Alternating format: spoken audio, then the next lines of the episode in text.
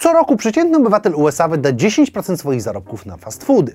Ich spożycie rośnie o 2,2% rocznie, a cały rynek wart jest prawie 800 miliardów dolarów. Czy kiedyś zastąpią one całą naszą dietę?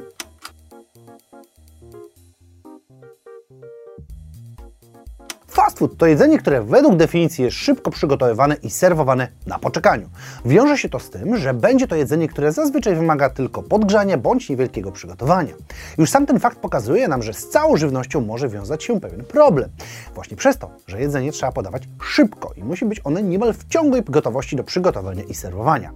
Taki proces wymaga, by jedzenie po prostu się nie psuło, a to prowadzi nas do wykorzystania różnego rodzaju środków konserwujących. Te spowodują, że odczujemy nieprzyjemne efekty już pierwszego dnia.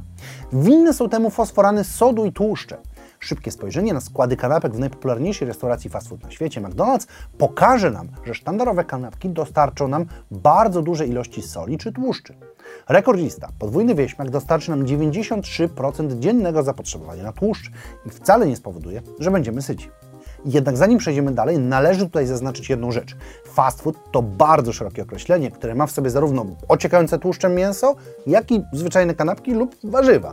Słowem, można jeść takie fast foody, które nie będą się różnić od zwykłej diety. Jednak my na potrzeby odcinka mówić będziemy o przypadku ekstremalnym, czyli jedzeniu tych rzeczy, które są po prostu niezdrowe.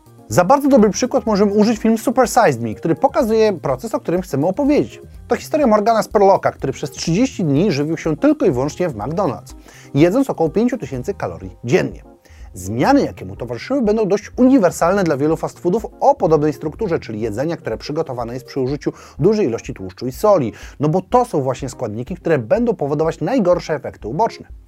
Tak jak wspominałem na początku, już pierwszy dzień będzie dla nas dość ciężki, bo bogata w tłuszcz dieta, zwłaszcza aż tak bogata, będzie bardzo ciężka dla naszego układu pokarmowego. Jeśli nie jesteśmy przyzwyczajeni do takiego jedzenia, będziemy odczuwać dość konkretny ból brzucha, ale to też zauważalne i odczuwalne różnice.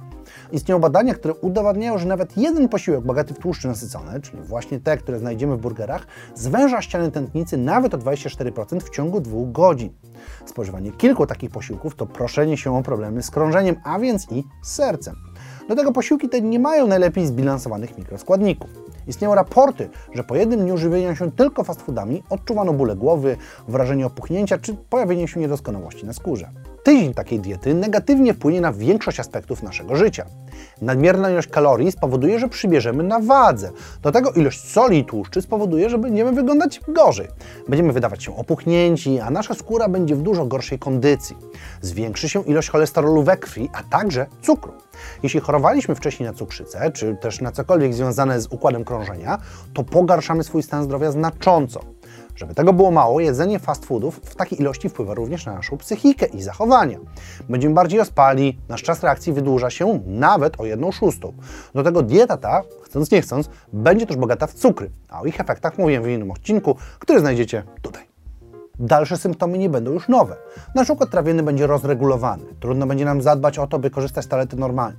Przytyjemy to znacznie, bo niemal każdy tydzień to kolejne kilogramy, a nasze zapotrzebowanie będzie tylko rosnąć. Do tego choroby serca, cukrzyca, problemy z zasypianiem, depresja czy nawet rak, bo wiele substancji przy takim stężeniu może go wywołać. Jednak nawet spożywanie fast fooda raz w tygodniu zwiększa ryzyko otyłości, a dwa razy wszystkich chorób typu cukrzyca czy miażdżyca. Dlatego jedzenie fast foodów codziennie jest niezwykle niebezpieczne. To widać, bo w krajach z dużym odsetkiem spożywania tego typu pokarmu jest zauważalnie większa ilość osób otyłych, czy z problemami zdrowotnymi wywodzącymi się z tego właśnie jedzenia. Naczelnym przykładem będą to oczywiście Stany Zjednoczone, ale na przykład Nauru, kraj, w którym 94,5% populacji jest klasyfikowane jako otyłe, również może nam dużo pokazać. Winę za to obarcza się mocno przetworzone jedzenie, podobnie do tego, które znajdziemy w fast foodach. Ze względu na wiele różnych problemów stanowi ono podstawę diety obywateli Nauru, a przez to powoduje plagę otyłości i cukrzycy, bo na nią choruje nawet 40% wszystkich obywateli kraju. Oczywiście jest jeszcze czynnik kulturowy, gdzie siedzenie, brak aktywności duża waga jest utożsamiana z bogactwem.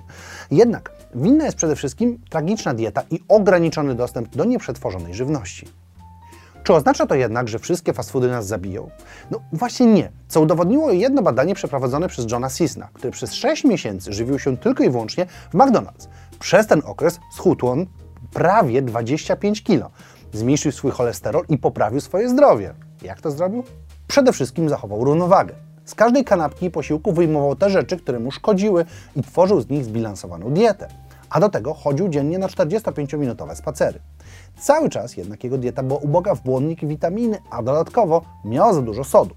Słowem, mimo że efekty były pozytywne, to nie było ona aż tak zdrowa, no cóż, pełnowartościowe posiłki. Jednak to bardzo podobny przypadek do tego, który omawiałem w ramach diety tylko mięsnej. W teorii dałoby się dodatkowo suplementować witaminy i błonnik, co spowodowałoby, że dieta fast foodowa mogłaby faktycznie zadziałać. Cały czas jednak narażalibyśmy swoje życie na szkodę, bo sól obecna w fast foodach może przyczynić się do pogorszenia naszego zdrowia na dłuższą metę. No i o ile nie znajdziemy metod, aby zmniejszać ilość soli, to niestety taka dieta, o ile możliwa, skróciłaby nasze życie w zauważalny sposób. Dieta fast foodowa jest na dłuższą metę szkodliwa, a regularne spożywanie tego typu jedzenia, zwłaszcza ze spektrum tego bardziej niezdrowego, wiąże się z problemami w przyszłości. Nie trzeba sobie oczywiście wszystkiego odmawiać, ale nasz organizm na pewno skorzysta, jeśli utniemy z diety niektóre pokarmy. No dzisiaj to tyle, zapraszam Was do innych odcinków na kanale, także na TikToka, którego możecie sobie kliknąć tutaj, tam się też pojawiają dodatkowe ciekawostki, a my widzimy się w każdy piątek. Trzymajcie się ciepło, cześć!